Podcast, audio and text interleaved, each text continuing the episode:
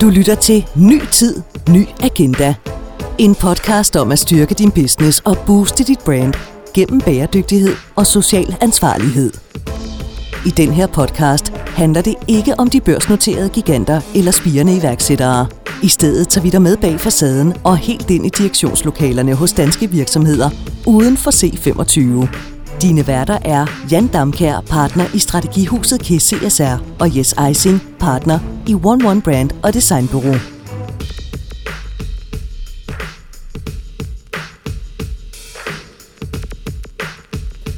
Duften af kaffe er for de fleste lige med duften af hygge og velvære.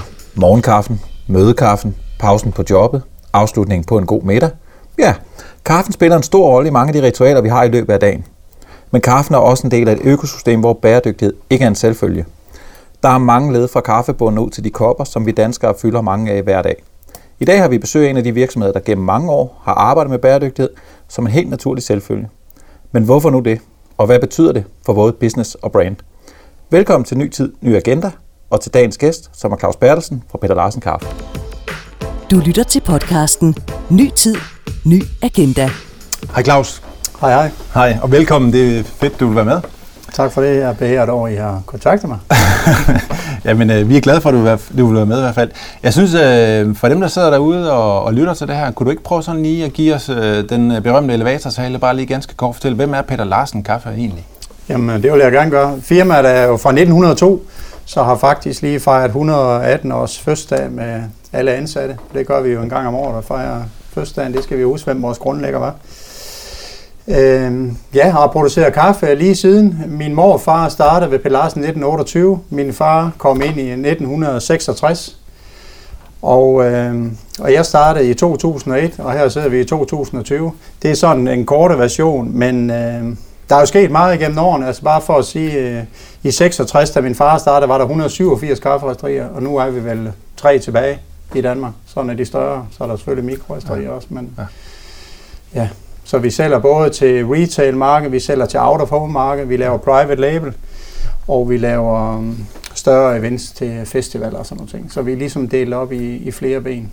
Ja, de fleste har jo måske set jer i hvert fald i, uh, i det lokale supermarked, når man går ned, hvor, hvor I jo efterhånden fylder en del øh, på hylderne der, men måske også, hvis man har været på Roskilde Festival eller Smukfest eller et af de andre festivaler, så er I jo også øh, rigtig repræsenteret der. Uh, ja, vi, vi prøver at vise vores brand i uh, øjenhøjde, plejer vi at sige. Ja. Så vi kører ikke tv-reklame, vi kører ikke radio-reklamer. Vi prøver sådan at snakke med forbrugerne en til en, og det tror vi på, at den rejse, vi er på, blandt andet med bæredygtighed, at den kan vi bedre fortælle, hvis vi har alle vores konsumenter en til en. Ja.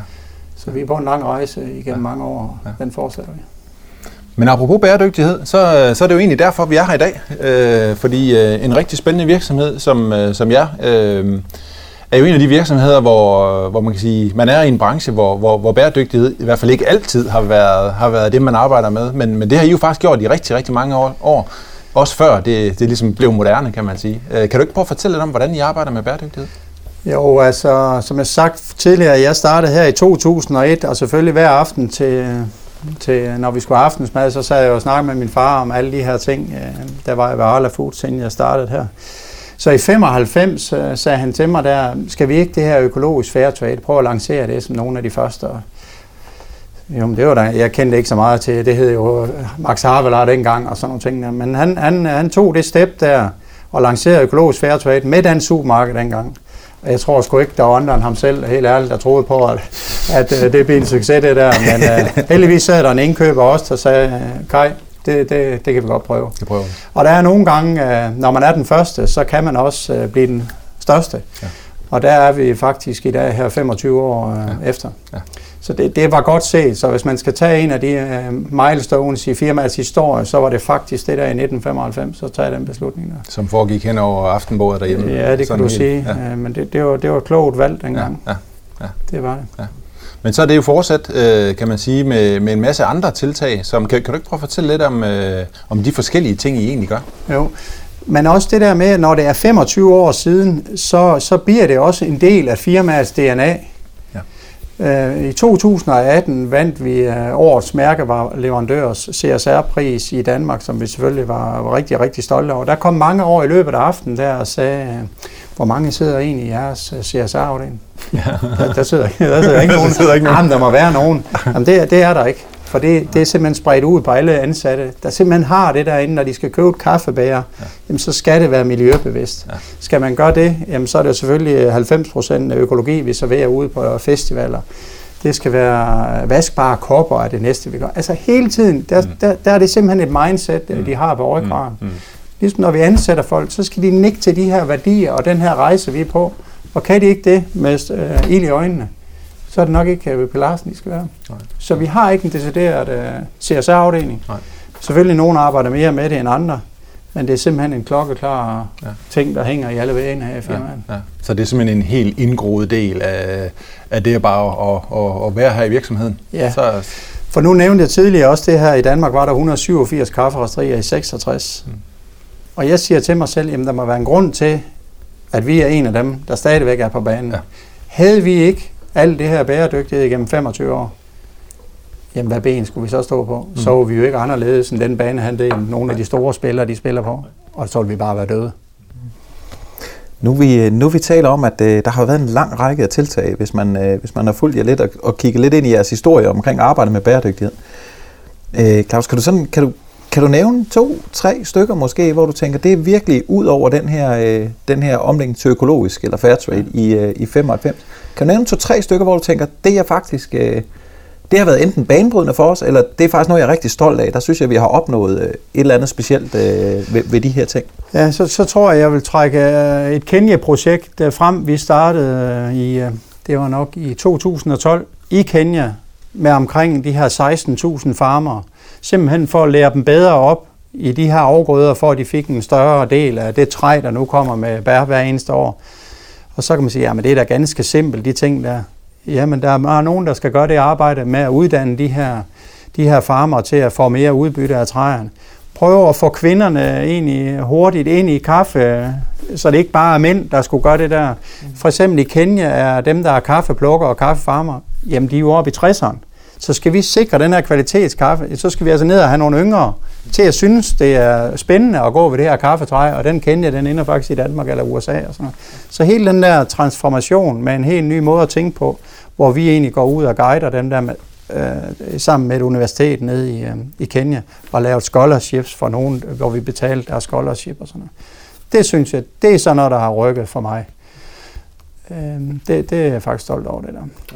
Plus det, hvis man tager en anden ting, øh, som jeg nævnte, øh, 1995 lancerede vi det første produkt, økologisk Fairtrade. Og egentlig rimelig tidligt der, i start 00, besluttede vi os for, vi vil være 100% certificeret. Altså det er vores mål. Der satte vi ikke lige mål på, at det skulle være inden 2010 eller noget. Men at alle vores produkter, de skulle enten være økologiske, de skulle være fair trade, eller de skulle være Rainforest Alliance. Og jeg vil sige, jeg håber inden 2020 er slut, der har vi ikke et Pelle Larsen kaffeprodukt, der ikke er certificeret.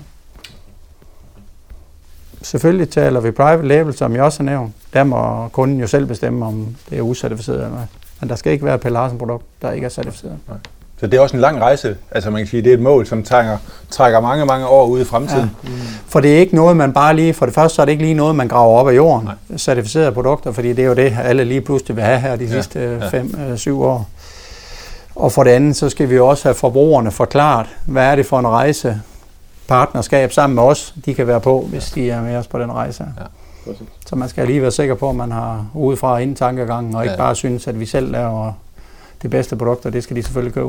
De køber jo ind på hele vores vision og den måde, vi gerne vil være på. Hvordan er det, og, hvordan er det at skulle tænke så langsigtet øh, på noget, som i virkeligheden, kan man sige, når man driver en forretning, det ved vi jo alle sammen, der har prøvet at drive en forretning, så er, så er der jo altså nogle, nogle, nogle tal, der skal passe, ja. både hver måned og hver kvartal og hver år. Hvordan er det at så tænke så langsigtet øh, på sådan noget?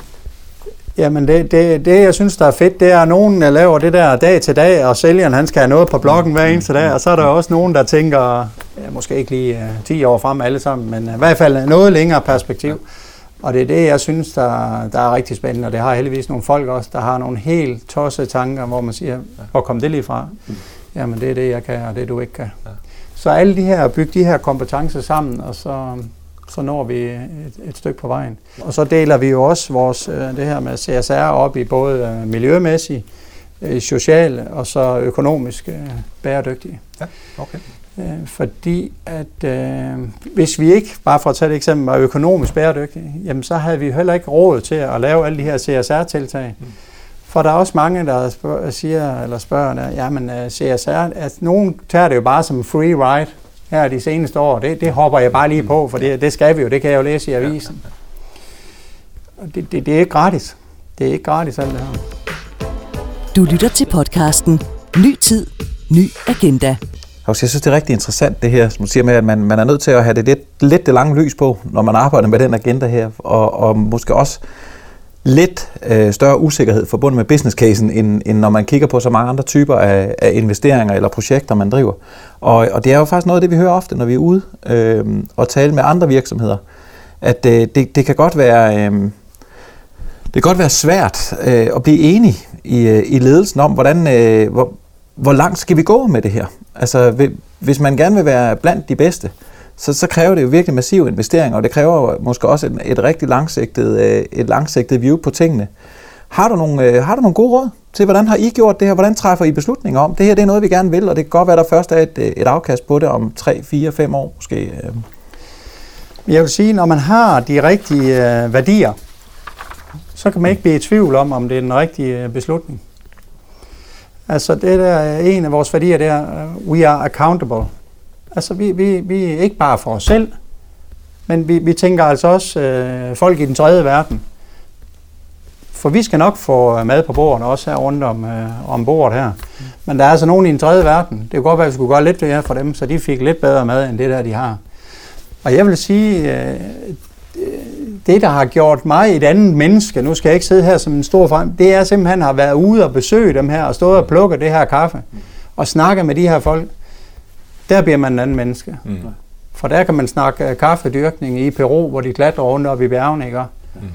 Uvirkelig. Så jeg kan bedre fortælle historien, og det er også derfor, at de folk, der sidder med kunderne, de skal helst have været ude i de der kaffelande derude. De skal mm. selv have stået derude og svedt i 40 mm. grader på den der, for der er ingen traktor, der kan køre på de der marker der. Mm. Så forstår de, hvad bæredygtighed det er ja. i sin øh, vildeste forstand. Ja. Og kan vi hele værdikæden derudfra til fru Jensen, hun sidder hjemme i sin lejlighed, for det optimeret, så er vi nået et langt stykke. Så jeg får helt kuldegøsning, ja. fordi ja, det, det, det er den mission, jeg har. Jeg kunne rigtig godt lide den sætning, du kom med, hvis, hvis man har de rigtige værdier, så er man ikke i tvivl. Så er ikke i tvivl. Den, den, den, den synes jeg, den er rigtig, rigtig stærk. Ja, ja det må man sige. Ja. Og, og jeg mener virkelig, når vi har ansat samtaler, så vender vi det rundt og siger, kan du se det der, hvad betyder det her for dig? Mm. Jamen sådan og sådan. Mm. For os betyder det sådan og sådan og sådan, og kan de stå inden for det? så jeg vil ikke sige, det er underskrevet, men, men, men det, det er så vigtigt, at de har den der DNA, mm. og de er villige til at gå på den rejse her. Ja. For det er ikke bare pris, pris, pris. Det kunne vi også godt have solgt på, men så har vi sikkert ikke siddet her under bordet. Nej, det var måske det, som mange af de andre 180 restrier, de, de, de kæmpede, den manege, ja. de kæmpede i. Hvis man, øh, Claus, hvis man skal holde sig, holde sig frem i feltet på den agenda her, har du så det, hvis du vil dele det med selvfølgelig, har, har, hvad er det næste, der er i støbeskeen? når vi taler bæredygtighed? Altså, I er jo nået så langt. Ja. Sige, er der... Vi har en, en masse i støbeskeen, og når nogle af folkene, der sidder med det der udvikling og sådan noget, så siger de, det er rigtig interessant nu, men, men du havde lige tre andre idéer sidste uge. Hvordan prioriterer vi den? Fordi hvis den er så god en dag i dag, jamen så kan det godt være, at vi kan vente med til september eller december, for nogle gange så hopper man jo ombord på det hele, og det skal være klar til 1. august, der bimler og bamler det hele igen. Men, men vi gemmer ikke noget, for jeg tror ikke på det der med at sidde og gemme på noget. Så faktisk en af de ting, det her med open innovation. Øh, fordi vi skal jo have kunderne, Selling Group, Coop med på den her rejse. Så når vi tænker, ah, at nu vil vi certificere det her produkt, men det er godt nok et kampagneprodukt, bliver vi jo nødt til at tage ud til vores kunder og sige, vi vil gerne have dig med på den her rejse. For vi kan ikke gøre det alene. Vi ændrer ikke bare det her, og så kan, så kan du ikke sælge det ud i din butik. Hvordan sikrer vi, at det her partnerskab det bliver bedst muligt? for din side og for min side, når vi ender autocertificeret, fordi det, det, det koster jo. Og så laver vi egentlig en plan sammen. Vi lancerer heller ikke produkter ud på markedet, uden vi har en i en anden ende, en selling group, eller en coop, eller en rejter, der siger, det er en god idé, det der. Så er der ingen grund til at lave ny emballage og nye design til 100.000 kroner og ny fol til 50. hvis der er ingen, der vil købe den. Vi kan godt sidde herinde og synes, det er en god idé. Hele tiden udefra og ind. Så, så det der med at Spørge kunderne. Ja, hvis man, hvis, man vil, øh, hvis man vil have bæredygtige initiativer til at flyve, så er det der med at få, få skabt nogle partnerskaber i virkeligheden. Partnerskaber, det er en helt stor nøgle til. øh. Og så også fremadrettet tror jeg meget på det her at være en del af et ekosystem, altså en del af et økosystem. Det kan da godt være, at vi ikke skal producere al kaffen selv om 10 år. Det kan være, at der er nogen, der er bedre til at producere et eller andet specialkaffe for os, og så er vi dygtige til noget andet. Så jeg tror, man skal passe på det der med, at man tror, man skal og kan det hele selv. Det tror jeg ikke på. Og det næste store, eller vi tror, der bliver stort, det tror jeg, at nu har jeg taget en pose kaffebønner med. Jeg tror faktisk om 5-10 år, der kommer vores hovedindtjening ikke for de her bønner af. Men alt det, der ligger omkring bønnen. Prøv at forklare det. Øh, cirkulær økonomi. Det kunne være, når I laver kaffe derhjemme og bruger kaffe, og der løber vand igennem øh, formalet kaffe. Der bruger vi cirka 3% af den, øh, det, der er i kaffe. Det, det er det, man bruger. Hvad gør I ved grumsen? Det putter I selvfølgelig ned i jeres skraldespand. Det vil sige, alle de gode egenskaber, der er i en kop kaffe, mod øh, kræft og mod nogle hjertesygdomme og sådan noget. Det vil sige, 3% er nede i koppen, og det er rigtig godt, når vi gør det. Jamen, hvad med de der 97 nede i det grums? Så egentlig at udnytte grumsen. Det kunne være, at vi øh, leger kaffen ud til øh, Circle K. Vi leverer 10 kilo, og så om øh, næste uge, så kommer vi og henter de 10 kilo grums. Og det øh, kan vi så lave øh, kaffesæbe af. Vi kan lave øh, kaffemel. Vi Kaffemel. Hvad Kan, er, kaffe, kaffemel også. hvad er kaffemel? Uh, jamen, du kan bage med, det er ikke så godt til at binde med, men du kan bruge det som mel. Okay. Uh, du kan presse de der gode egenskaber, der også er i grumsen, uh, presse væskerne ud, og så sælge til medicinalindustrien. Så det, det, er sådan nogle, uh, det er sådan det næste step, vi arbejder med, det er at udvinde mere af den biomasse, der er omkring kaffen. Ude ved øh, bønderne derude, der er jo kaffebær også, hvor der ligger to øh, kaffebønner i. Jamen kan man ikke få noget ud af, der er en masse antioxidanter i de bær. Så tænker jeg, kan de få mere værdi ud af det derude, sammen med kaffen, når de producerer det? Kan de få penge ud af bæret også? Jamen, så kunne det være, at de kunne få bedre mad på bordet, som jeg talte om tidligere. Så det er egentlig, prøv at strække den helt derud. Man tænker, at det kan jo ikke lade sig gøre frem Men øh, jeg t- tror, der bliver value streams omkring den her hele bønne. Og det skal vi være dygtige til at være med på den rejse. Så når man som virksomhed sidder derude og kigger på, hvordan kan vi være mere bæredygtige hos os, så sidder mange jo i virkeligheden ofte og kigger på, kan vi, øh, kan vi forbedre vores, øh, altså den måde, vi producerer på inde Ja. på fabrikken. Og det du i virkeligheden gør, det er, at du siger, lad mig kigge på hele min værdikæde, fra, fra, fra det aller, aller tidligste træ, der står nede i, i Kenya, og så helt frem til det affald, der faktisk kommer ud. Ja. Øh, så er, det, er det en måde, som andre virksomheder også kan, kan, kan tænke det her? At man i, i stedet for bare at kigge på produktionen meget isoleret, eller, eller hvordan man agerer som meget isoleret, så kigge på hele værdikæden, så åbner der sig nogle helt nye muligheder, eller hvad? Fordi øh, nu øh, skal vi sikkert også tale FN-verdensmål, så spiller hele kæden spiller jo ind i FN's verdensmål, og nu har vi øh, talt lidt Ørsted også tidligere. Når man sælger kaffe til dem, og vi kunne få deres grums retur, jamen hvordan spiller det ind i vores verdensmål, og kan det hjælpe Ørsted til deres verdensmål? Jamen så giver det lige pludselig 2 plus 2 bliver 5. Og det er igen alle de der partnerskaber, vi skal op i stå. Øh, så tror jeg virkelig, at øh, vi kan rykke noget på verdensplan. Og nogle gange, når jeg har øh, nogle folk, der tænker helt, helt ud af boksen her, så siger jeg også, prøv lige at forklare mig, hvorfor er det, at lille Pelle Larsen på Ævevej 15 i Viborg, at det er lige os, der skal komme med det her kafferum? Hvorfor er der ikke nogen af de store? Jamen Claus, de, de tænker ikke lige på det der. Det er ikke.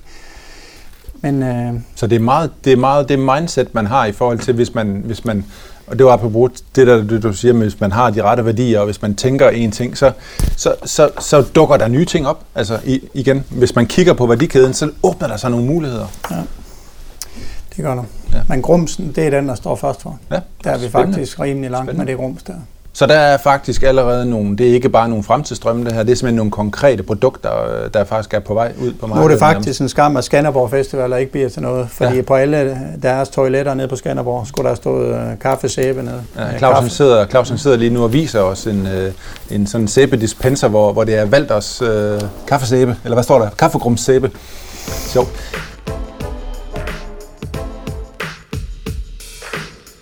Ja, men nu, nu når vi snakker om øh, FN's verdensmål, hvordan, øh, hvad betyder de for dig øh, i, i arbejdet her hos jer? Jamen, jeg, jeg plejer at sige, at det er en spilleplade for hele vores øh, bæredygtighed. Det, det er ligesom, vi skal prøve at ramme ind i den her FN-verdensmål øh, øh, spilleplade. Og heldigvis øh, kontaktede Dansk Industri os for nogle år siden, om vi ville være med i et projekt øh, øh, omkring øh, FN-verdensmål. Der var, var der 21 virksomheder, som hed fra filantropi til, ja, til business eller til forretning og sådan noget. Og det var egentlig der, hvor vi øh, fandt selv ud af, at der skulle man jo finde på et projekt selv, man vil bære videre med. Og det var øh, faktisk Kaffegrums, at, øh, der vi kom op med på det tidspunkt. Der. Øh, så det, det har egentlig gjort, at vi rigtig tidligt var ude med FN-verdensmål, fordi vi var med i det der projekt. Øh, så, så jeg ser det ikke bare som 17 øh, forskellige farveplader, der hænger på en væg. For det ser man jo også mange gange, når ja. kommer. Det ser jo flot ud, når de der 17, de... Ja. Øh, øh, men, men uh, vil jeg også uh, give som anbefaling til nogen, at holde nu fokus på så få som muligt. Hmm. Fordi det der med, at nu, nu passer vi også ind i 17 og en partnerskab, og ja. vi passer også ja. ind i 8 og 2 og sådan noget. Ja. Glem det. Ja. Så dør man simpelthen i praktik. Øv jer på få, ja.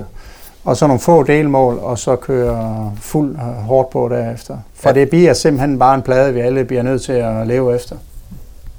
Jeg kunne godt tænke mig, nu vi taler FN's verdensmål, der er vi jo, vi er jo tilbage i 15 øh, da, da den rammesætning ligesom sådan for alvor blev, øh, blev lanceret. Og, øh, og jeg synes, vi, øh, vi har hørt fra, øh, fra en række andre virksomheder, at der, der ved sådan at ske et skifte i markedet derude, i hvert fald i, de, i den geografi, vi sidder i her, kan man sige, Danmark, Skandinavien, hvor at øh, det her med bæredygtighed har jo været meget et spørgsmål om regulering og lovgivning osv., at man har ligesom trykket på fra politisk hold, og, og hvor de egentlig oplever i dag, at der begynder at ske det her pull fra, øh, fra, fra konsumenterne, fra os som privatkunder, mm.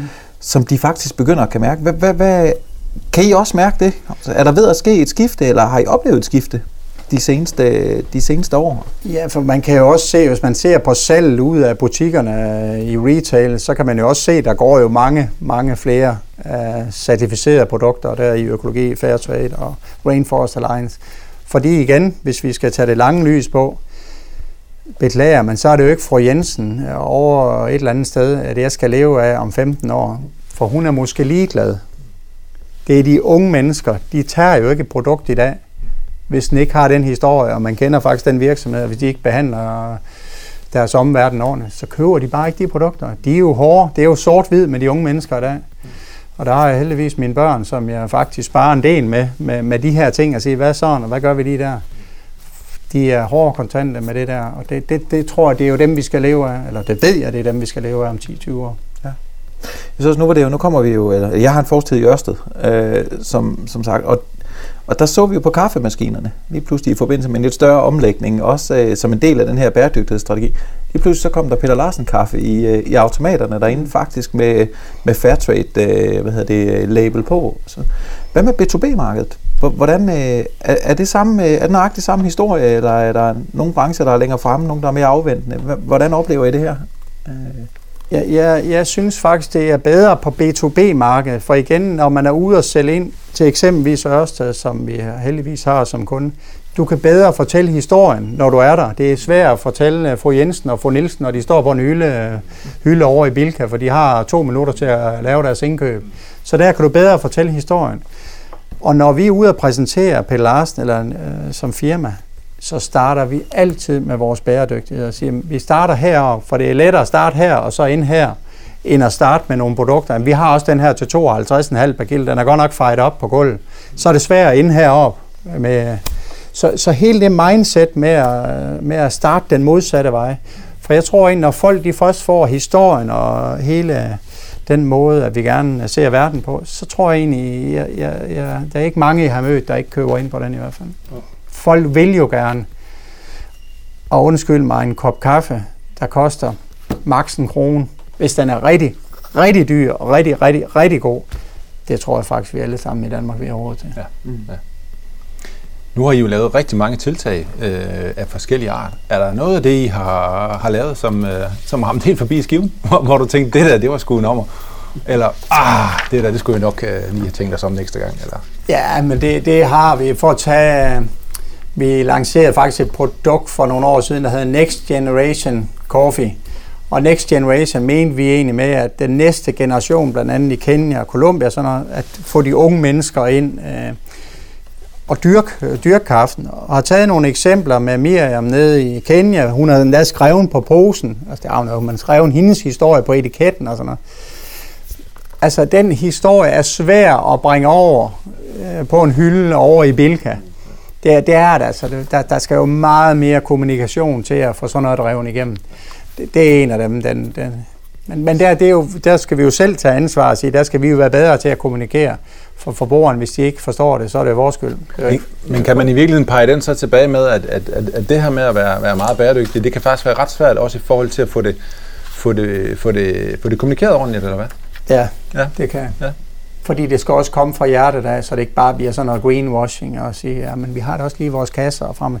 Jeg er svært ved dem der, der bare lige starter op, fordi det er hype omkring bæredygtighed, og så begynder de at lave alle mulige ting og plancher ind i firmaet.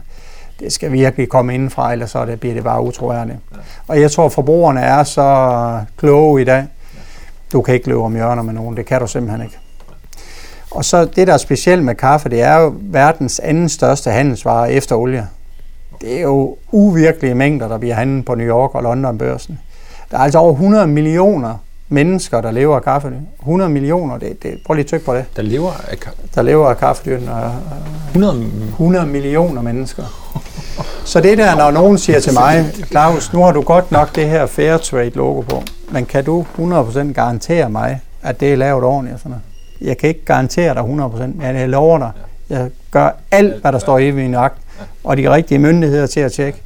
Men hvis der er en, der vil snyde hjemme i din virksomhed med skat, så sker det også. Og er der nogen derude, der vil snyde med det ene eller andet, så sker det desværre også. Så, men, men øh, der er mange mennesker. Ja. Ja. Hvad, har, hvad har alt det her med bæredygtighed betydet for, for Peter Larsen Kaffe som brand, tror du? Jeg vil sige, hvis vi ikke havde bæredygtighed, så var vi her ikke i dag. Det tror jeg, det tror jeg simpelthen ikke går. Ikke i den øh, skala, som vi er i dag. Det, det, det tror jeg ikke, den har været, for vi, vi, vi, det er en helt anden øh, statement, vi har, og når du spørger forbrugeren, vi laver jo også forbrugerundersøgelser, ja, hvilke kaffebrand mener du er det mest bæredygtige, der ligger vi klart, klart nummer et. Men det forpligter jo også big time, at man bliver ved med at være den her sult i paradis, som vi plejer at kalde det. Hvis du ikke har det, så bliver du bare kørt over. Ja, ja. Så man skal, det er ikke nok at nå positionen, den er faktisk, det det er, endnu, det er endnu værre, når du, sådan, når, når du så først står der, ikke også? Ja. Ja. Ja. Og så bare være åben og ærlig omkring de ting, du gør. For der vil komme ting op 7 9 13. Der har ikke været noget sådan, hvor jeg kan sige, at der er vi virkelig benjokket på, at man har fundet en masse børn, der har plukket noget af vores kaffe i øh, Honduras. Og sådan 7 9 13. Vi har aldrig, aldrig haft en sag. Er du bange for det? Nej, jeg er ikke bange for det, for igen, jeg vil sige, ligesom jeg nævnte lige før, så må jeg bare stoppe og sige, det beklager jeg. Øh, jeg plejer også, et af mine motto, det står her også ude på, på vægen. Jeg kan ikke redde verden, men jeg kan gøre en forskel. Og det er faktisk det, jeg prøver hver eneste dag.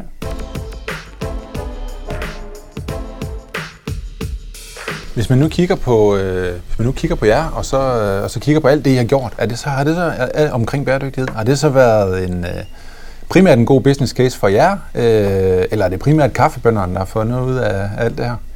Nej, jeg vil håbe, vi øh, igen hele værdikæden og forbrugerne fået nogle gode produkter, og, og bønderne i den tredje verden, de har fået lidt flere penge for det, fordi at vi nu øh, sælger meget økologi og fair trade og Rainforest Alliance.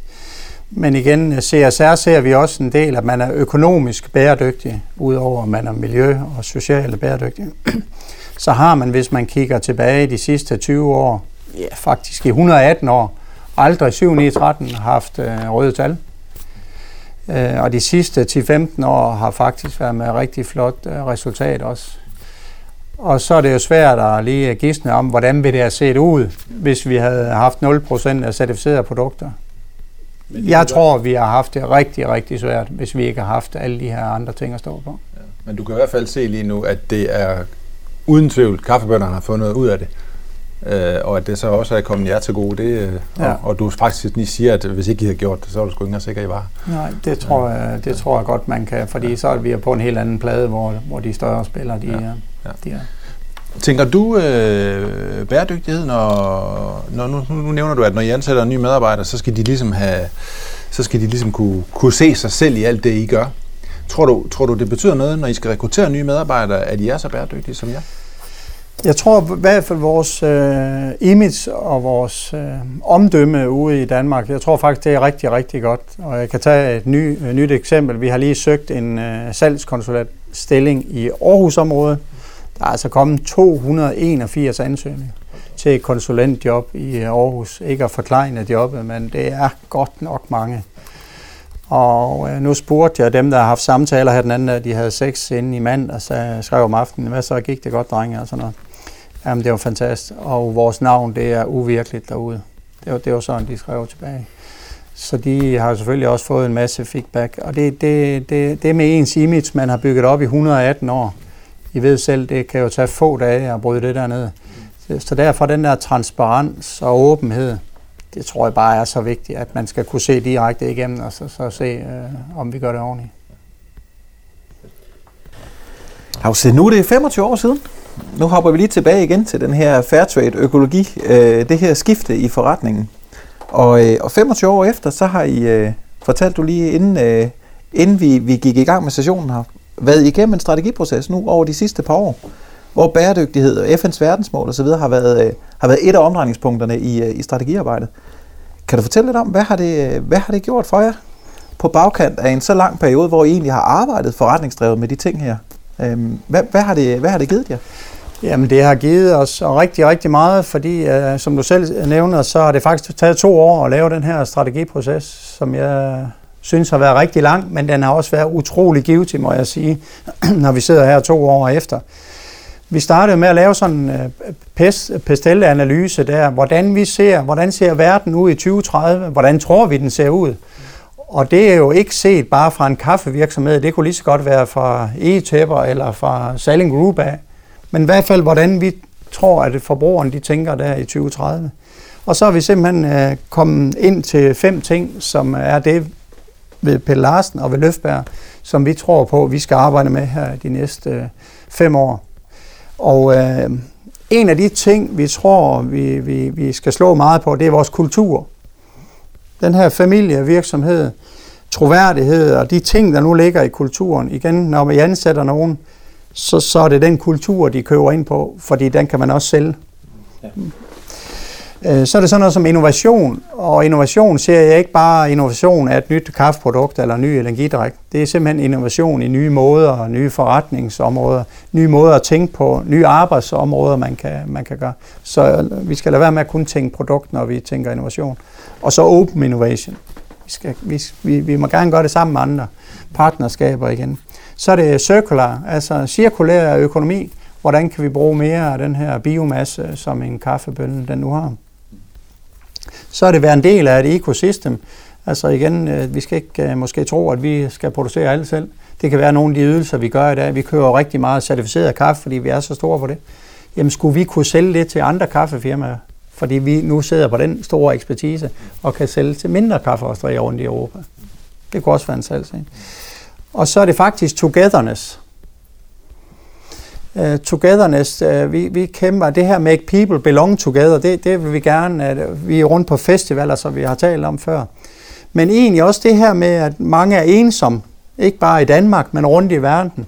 Jamen kan vi gøre noget ved det, fordi kaffe er jo egentlig et socialt produkt. Øh, der kan få folk sammen. Så den prøver vi også at twist. Vi skulle faktisk have kørt med Roskilde Festival i år, fordi en af deres points er også ensomhed. Så det er egentlig den vej, vi tænker rundt med, med Togetherness. Så det er egentlig de fem spor, vi, vi kører efter. Hvis du skulle komme med dit bud på, på den bedste erfaring, du har gjort dig i at arbejde med bæredygtighed i en forretning som jeres, og måske i virkeligheden den værste også, hvis der er sådan en, Jamen, jeg vil sige, det her med bæredygtighed, der er jo ikke nogen, der kan sige, heller ikke at medarbejderne siger, at det, det, det gider vi ikke. For jeg siger faktisk også, at det her med at være bæredygtig, og det håber jeg også, hvis vi spørger nogle af medarbejderne, at, det giver motivation og et sammenhold og hjælpe lidt til, og så er det faktisk ligegyldigt, om virksomheden omsætter for 10 millioner, eller en omsætter for 250 millioner. Igen, vi, vi kan gøre en forskel, alle, alle, alle mand på den her jord, om det er den helt lille eller den store så tror jeg faktisk, det gør en forskel, hvis vi alle arbejder i samme retning. Og øh, jeg, jeg møder generelt positiv interesse fra alle medarbejdere, men selvfølgelig, man skal jo have fat i de der early adapters inde i firmaet, der siger, okay, jeg render lige med fanen først, og så kommer, så kommer de andre løvende efter. Så det er vigtigt, og det gør jeg meget ud af, vi skal lige have prikket de to-tre uger, der lige vil løbe med den her sag med kaffegrums, for at tage det eksempel. Så skal de andre nok komme bagefter dem, der lige sidder, ah, kaffegrums, vi sælger kaffe. Vi sælger ikke kaffegrums. Så man skal lige hele tiden i hver enkelt case have nogle bannerfører. Og igen, der er ikke nogen free ride i det her. Man er nødt til i sit budget at sætte penge af til det her. Allokere måske en ressource til at sige, du gør sådan og sådan. For at lave bæredygtighedsrapporter behøves jo ikke at være et diært værk, ligesom øh, for eksempel det, vi har. Men det skal jo registreres, alle de her ting. For vi kan jo ikke bare sidde og sige, at vi er, det er verdensmål 8, og det er 2, og det er 12. Jamen, hvad er det egentlig, der er der? Altså, det skal, jo, det skal jo ned, og det er nogen, der skal registrere og sådan noget. Det, det skal man altså også gøre, det der. Men jeg vil sige, man kan lige så godt starte i dag, så man kan starte i morgen, for det bliver simpelthen et krav til alle virksomheder. Mm. Det der. Mm. Så det er en brændende platform for alle det her. Hvis ikke man har været i gang nu, så er det, så er det bare med at komme i gang. Så er det på høje tid at komme i gang. Ja, ja. Har du en, øh, har du en idol virksomhed, hvis man skal sige det sådan, øh, inden for bæredygtighed? Altså nogle andre, du ser lidt op til? Jamen, øh, nu nævnte vi lige Ørsted tidligere. Jeg, jeg vil sige, at Ørsted, den rejse, I har været på i 10 år med at gå fra, fra sort til grøn, øh, det, det synes jeg er imponerende på, sådan, øh, på så kort tid med sådan en stor kloster. Så det, det vil jeg sige, at Ørsted det er en af de helt store. Øhm, og så vil jeg faktisk rose os selv, at det her med, at vi går all in på vores strategi. Øhm, det her med at bringe, bringe mennesker sammen og udrydde ensomhed, Jamen det må man da sige, det er da en komplet og anderledes målsætning, end at være den bedst sælgende kaffevirksomhed. Altså det stikker jo helt, jeg vil ikke sige, at det går i den anden ret, men det er jo ikke noget egentlig med kaffe at gøre som sådan. Det er modigt, og jeg kan godt lide at tage, nogle, øh, tage sådan nogle beslutninger der, for jeg tror, det er det rigtige.